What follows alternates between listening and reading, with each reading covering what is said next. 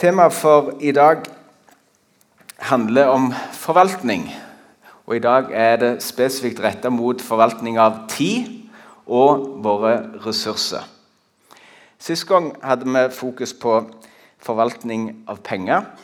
Men i dag er det mer knytta til tid og ressurser i utvida begrep. Før vi hopper i gang, så jeg bare lyst til å gi en liten sånn en start som kan være med å friske opp litt. Vi satt julaften sist år hjemme hos broren min eh, etter vi hadde åpnet pakker og spist og alt det der. Så kom, hadde vi noen sånne spørsmål som vi tok en runde på. Og et av de spørsmålene det var på, på, på hvilken måte hadde du levd hvis penger ikke var en begrensning? Du hadde, Hver morgen du våkna, så hadde du én million på konto. så kunne du bruke, Og så var det alltid en nyhet dagen etterpå. På hvilken måte ville du levd? Hvilke valg ville du gjort i forhold til yrke og livsstil hvis penger ikke var en begrensning? Eller så kunne vi også sagt hvis alder eller helse eller rammevilkår ikke var begrensningen. Ta og se, Drøss litt med den på sida av deg. Hva var ditt, hvordan så ditt liv ut da? Litt sånn drømmer. Kom igjen. Og Hvis du er litt sånn introvert, sånn som meg, så får du lov å sitte litt for deg sjøl og tenke og resonnere litt, og så gjerne drøse litt. Det er helt i orden.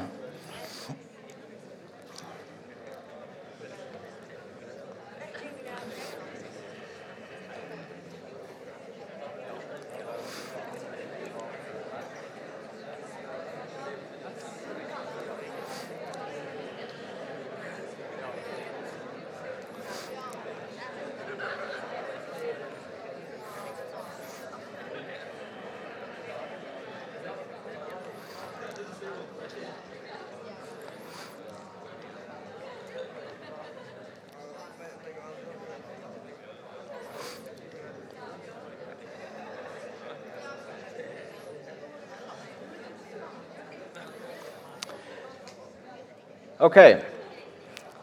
Jeg tror noen her kunne sikkert holdt på å drøse til i morgen, men, eh, men, for andre er det nok nå. Så derfor prøver vi å møtes på midten, litt sånn diplomatisk. Eh, Bibelverset jeg ønsker å ta dere med inn i som en innledning, det er hentet fra Salme 90 og vers 10 og vers 12. Der står det sånn Vår levetid er 70 år, 80 når det er styrke til det. De beste årene er fulle av strev og urett. De går fort, og vi flyr av sted. Og i vers 12.: Lær oss å telle våre dager, så vi kan få visdom i hjertet. Så Skal vi be litt først. Herre, takker deg for at du er her, og at du ved din ånd og ditt ord ønsker å tale til oss. Vi ber om å få visdom nå til ikke bare å høre, men òg å innrette livet vårt etter det du som Herre leder oss til. Så takker jeg deg for det privilegiet at vi får være sammen med deg og med hverandre. Og du har gitt oss, Herre, tida, dagen. Og du har gitt oss så mange gaver, og evner og ressurser, Herre. Priser deg og takker deg for det, for det privilegiet, Herre.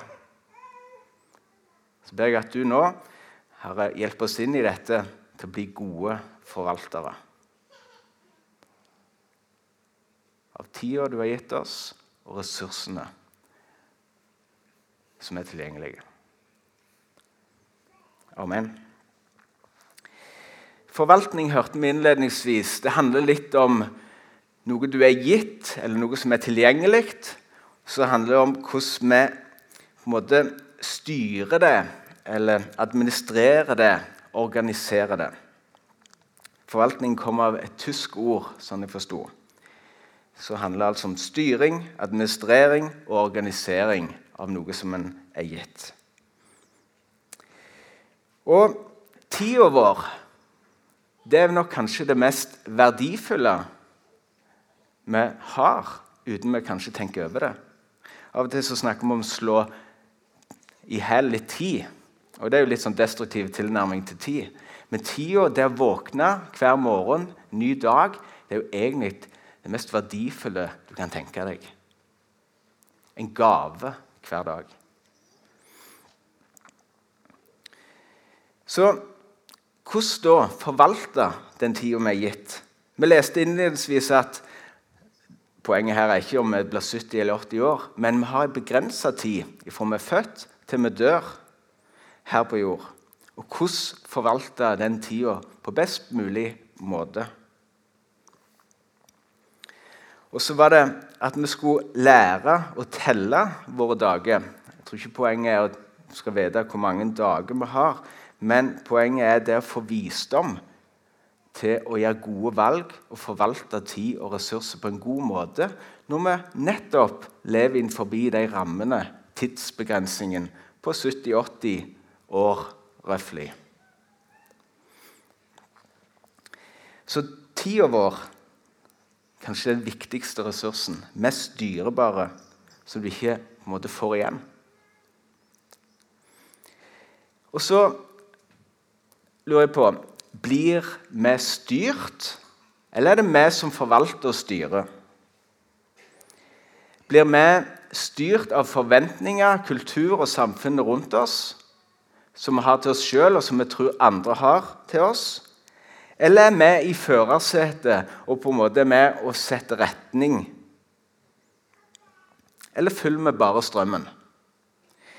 Det å være skapt i Guds bilde, det tror jeg òg har med det at vi er gitt det på en måte privilegiet å få være med og videreskape, utvikle, forme og være med og påvirke i positiv retning, sånn som Gud skapte. Gud er skaperen og den som opprettholder liv. Og det å være skapt i Guds bilde er på en måte det å få blitt gitt et forvalteransvar av det Gud har gitt. Å forme det, påvirke, utvikle på en kreativ og for noen kunstnerisk måte. Være med prege samfunnet rundt oss.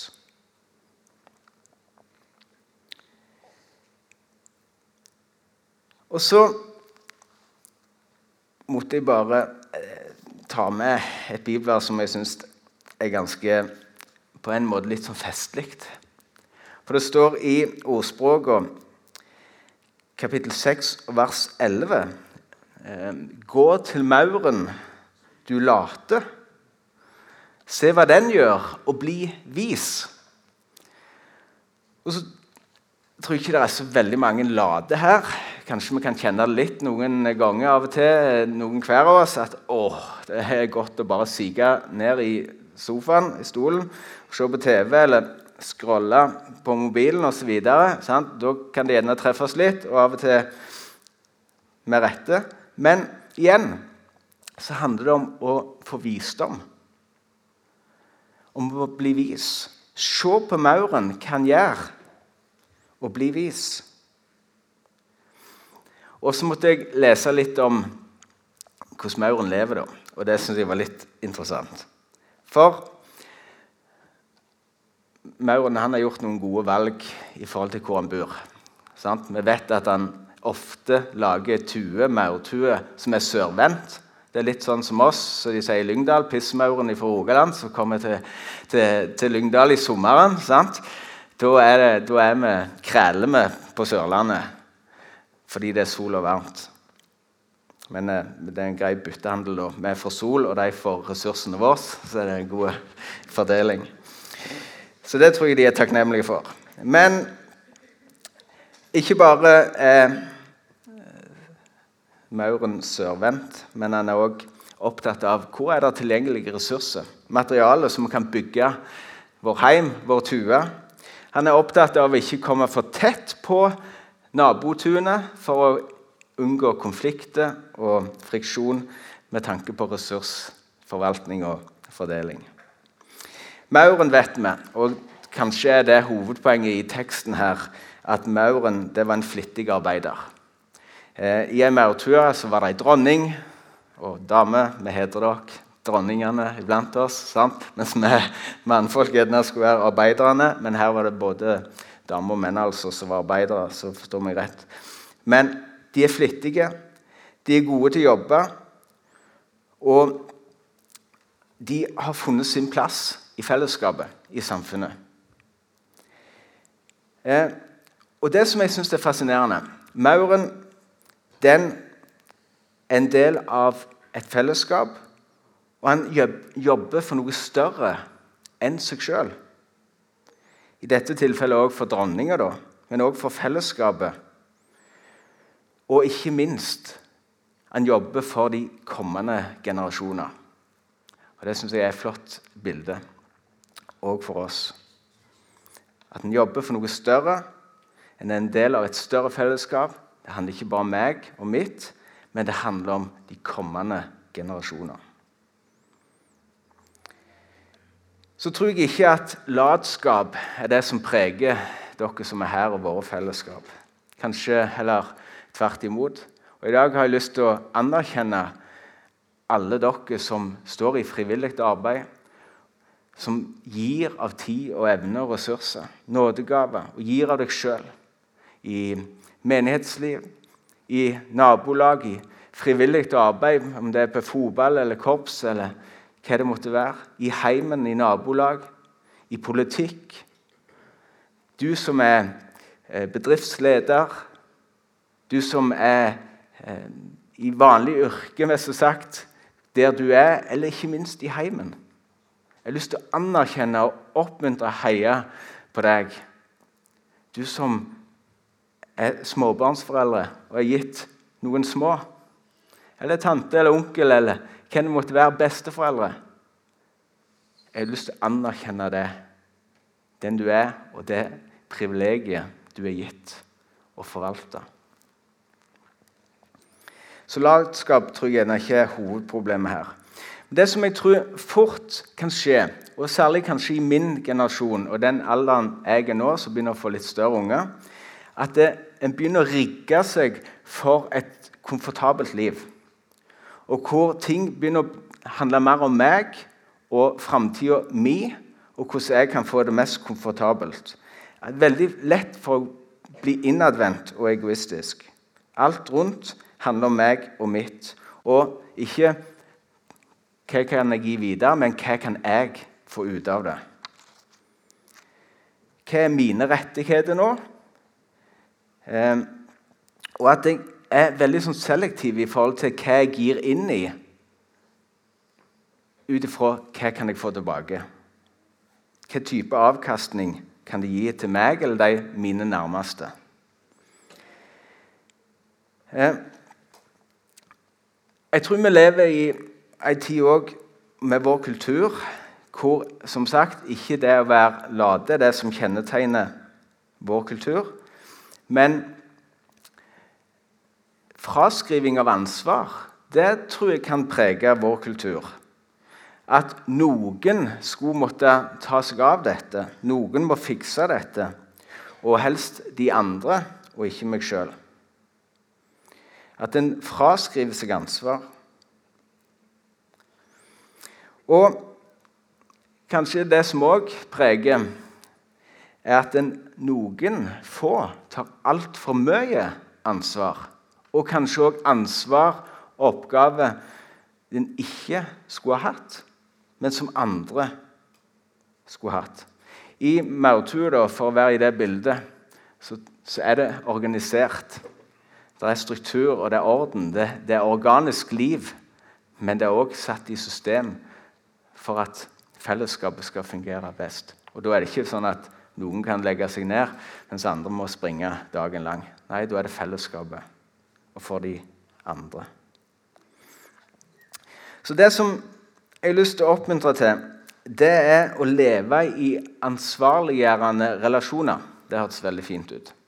Eh, konkret så har jeg lyst til å oppmuntre til at du og jeg lever tett på en eller ei som vi kan på en måte dele liv med, og som kan stille spørsmål inn i våre liv til måten vi prioriterer i forhold til tid og ressurser og forvaltning. Noen som kan se oss litt i kortet, som kan være med og utfordre litt på motivet vårt, og på atferden vår og oppførselen vår, og på hvem vi er. Og ikke minst være med å hjelpe og justere i den retningen vi egentlig ønsker å leve, mer enn det vi gjør i dag. En konkret hjelp kan være to sånne ark. Hvor Det ene handler om flere spørsmål som handler om meg og min karakter, den jeg er. Mens det andre handler mer om livet jeg lever, tjenesten, f.eks. òg i menighet. Og hvor en kan lese gjennom disse spørsmålene, og så er det kanskje ett som treffer spesielt. Og at vi spør hverandre og hjelper hverandre, ikke for å ta hverandre, men for å hjelpe hverandre, oppmuntre hverandre til å være med og justere i den retningen vi tror er bra, og som Gud på en måte leder oss, og som er den veien vi egentlig ønsker å gå. Av og til trenger vi en sånn fullstendig omvendelse, og noen gjør radikale valg. Mens kanskje vel så viktig er den der lille justeringen. De kneppene til høyre eller venstre i det jevne i hverdagen. Uke etter uke. Så hvis noen eh, har lyst, så er dette det er egentlig metodismen som har utarbeidet dette. Eh, som er hjelp for, for fellesskap eller enkeltpersoner. Ok. Eh, så jeg har lyst til å si litt knytta til dette med karakter. For jeg tror ikke at det står på kunnskap. Jeg tror heller ikke det står på tilgjengelig kompetanse for de fleste av oss.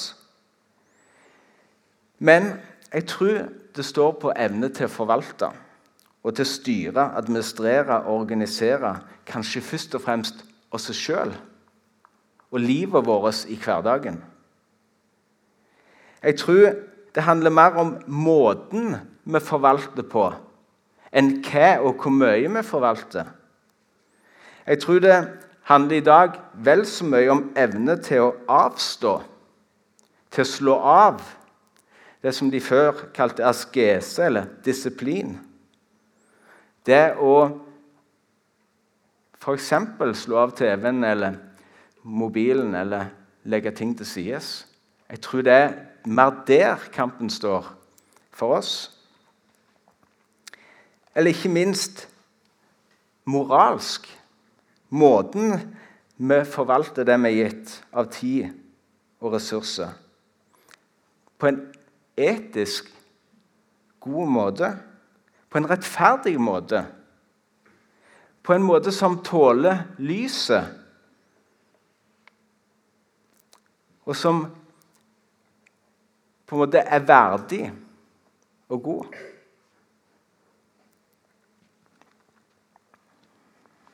Hva er det som gjør at Kompani Lauritzen har eh, på en måte blitt så bra?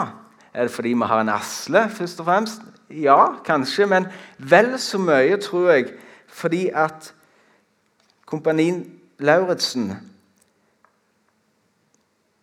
De har presentert og løfte fram unge som i fellesskap med andre, under ledelse og kanskje en streng fenrik, lærer seg sjøl å kjenne på godt og vondt. Det er ungdommer som ja, de innrømmer det selv på ulike områder trenger å vokse og utvikle seg og bli selvstendige. De blir ansvarliggjort på deres oppførsel, på deres atferd. Og ikke minst, de blir oppmuntra, de blir backa på den de er. Og det er vesentlig. Og fokuset kneppes mer og mer i retning fra meg, meg, meg til de andre og oss. Derfor liker jeg og derfor opplever jeg det meningsfullt for min egen del å se Kompani Lauritzen. Og jeg tror mange har sittet med tårer i øynene og sett den utviklingen ungdom har hatt, og hvordan de på en måte blir løfta i akkurat dette med å bli ansvarliggjort og samtidig heia på og anerkjent for den de er. Ulikheter, ressurser, evner osv. Men alle er vi gitt noe. Og Poenget i Matteus 25 Nå skal jeg ikke lese den, men lignelsen om talentene. Poenget der er jo ikke hvor mye du er gitt, men hvordan du forvalter det du er gitt. Sånn? En fikk fem talent, en fikk tre, var det det? og en fikk én. Poenget var ikke hvor mye, men hvordan en brukte, forvalta det som en hadde blitt gitt. Og her, her er det mye ressurser. Her er, kunne vi snakket om nådegavene i forsamlingen. Vi kunne snakket om de egenskapene Gud har gitt hver enkelt ut for skapelsen, den du er. Vi kunne snakket om Efeserne 4, om alle disse apostel, profet, lærer, hyrde, evangelist osv. Vi kunne snakket om det i Romerbrevet 12 og 1. Korinterbrevet 12, om de ulike nådegavene og tjenestene som Gud gir for å bygge opp fellesskapet. Vi kunne snakke om disktest og vi kunne snakke om personlighetsutviklingstester som dere sikkert har hatt om på jobb og i menighetsliv, som dere kanskje er ganske lei av. Sant? Det er ikke mitt poeng å snakke om i dag. Jeg tror de fleste her begynner å kjenne seg sjøl ganske godt. Våre styrker og våre svakheter. Våre gaver vår nådegave. Mitt poeng, målet med talen, er heller at du og jeg skal stoppe opp, reflektere i forhold til forvaltning av tid og ressursene vi er gitt. Stille spørsmålet igjen hvem er jeg? Hvem ønsker jeg å være? Hvem har Gud skapt meg til å være? Og lever jeg i samsvar med det liv som dypest sett Gud har lagt ned i meg, og som Han kaller meg til? og som han ønsker jeg skal leve. Eventuelt, hva hindrer meg i å leve det livet? Hvilke begrensninger rammer vilkår er det som er med å hindre det, og går det eventuelt an å gjøre noe med det? Hvordan disponere tida og de ressursene du og jeg sitter på? Er det retta mot meg sjøl, for fellesskapet, mot kommende generasjoner? Har det en høyere hensikt, og i vår kontekst i forhold til Gud og Guds rike? Til slutt vil jeg ta dere med til 1. Korinterbrev, kapittel 3, og vers 10. Der står det om en byggmester. Det er noen byggmestere her. Og vi er alle byggmestere i forhold til eget liv og eget livsverk. Hør hva Paulus sier. I kraft av den nåde Gud har gitt meg, la jeg grunnvollen som en klok byggmester. En annen bygger videre. Men hver enkelt må være nøye med hvordan han bygger. Ingen kan legge en annen grunnvoll enn den som er lagt, Jesus Kristus. Men om noen bygger på grunnvollen med gull, sølv eller edelstener, med tre, høy eller halm, skal det en gang vise seg hva slags arbeid den enkelte har gjort. Herrens dag skal gjøre det klart, for den åpenbarer seg med ild, og ilden skal prøve hvordan den enkeltes verk er. Om det byggverket noen har reist, blir stående, skal han få sin lønn. Dersom det brenner opp, må han lide tapet.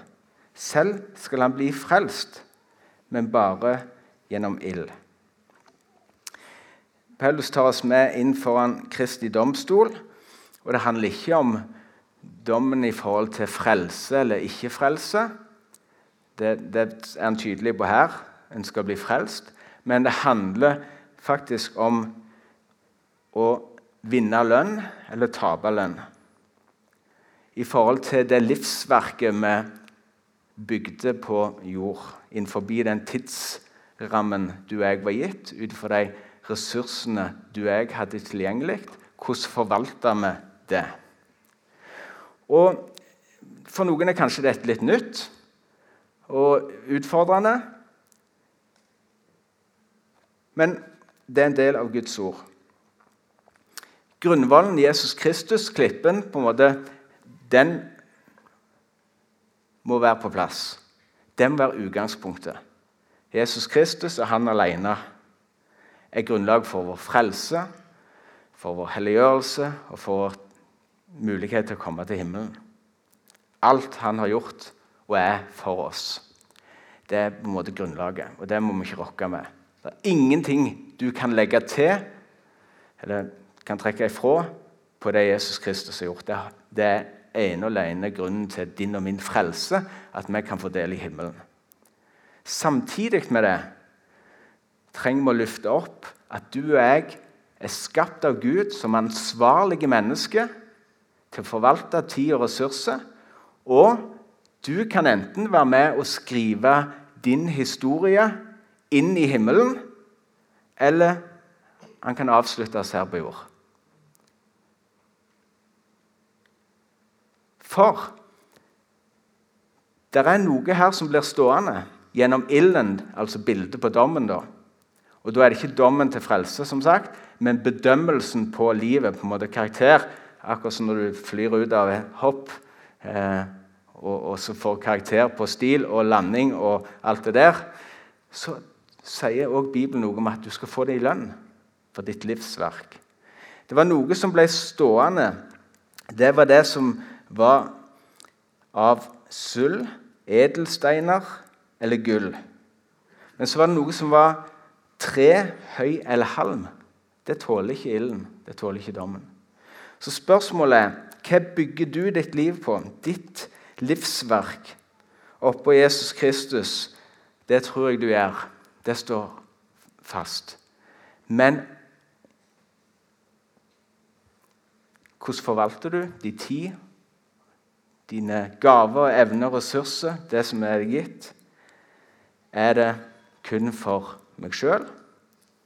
Er det for fellesskapet? Og dypest sett til Guds ære, for at mennesket òg skal få del i det som Gud har for oss.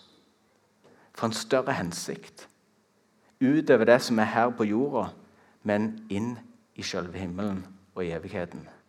Det som har evighetsverdi. Det som står seg, og som du eneste du kan få med deg inn i himmelen.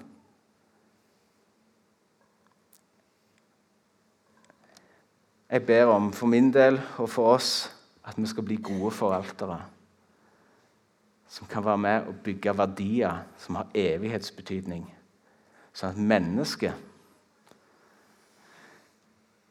kan få være med til himmelen.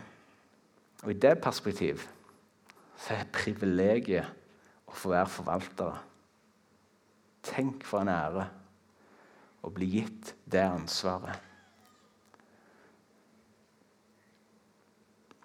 Ja, det er en alvor med det, men for et privilegium. Skal vi be.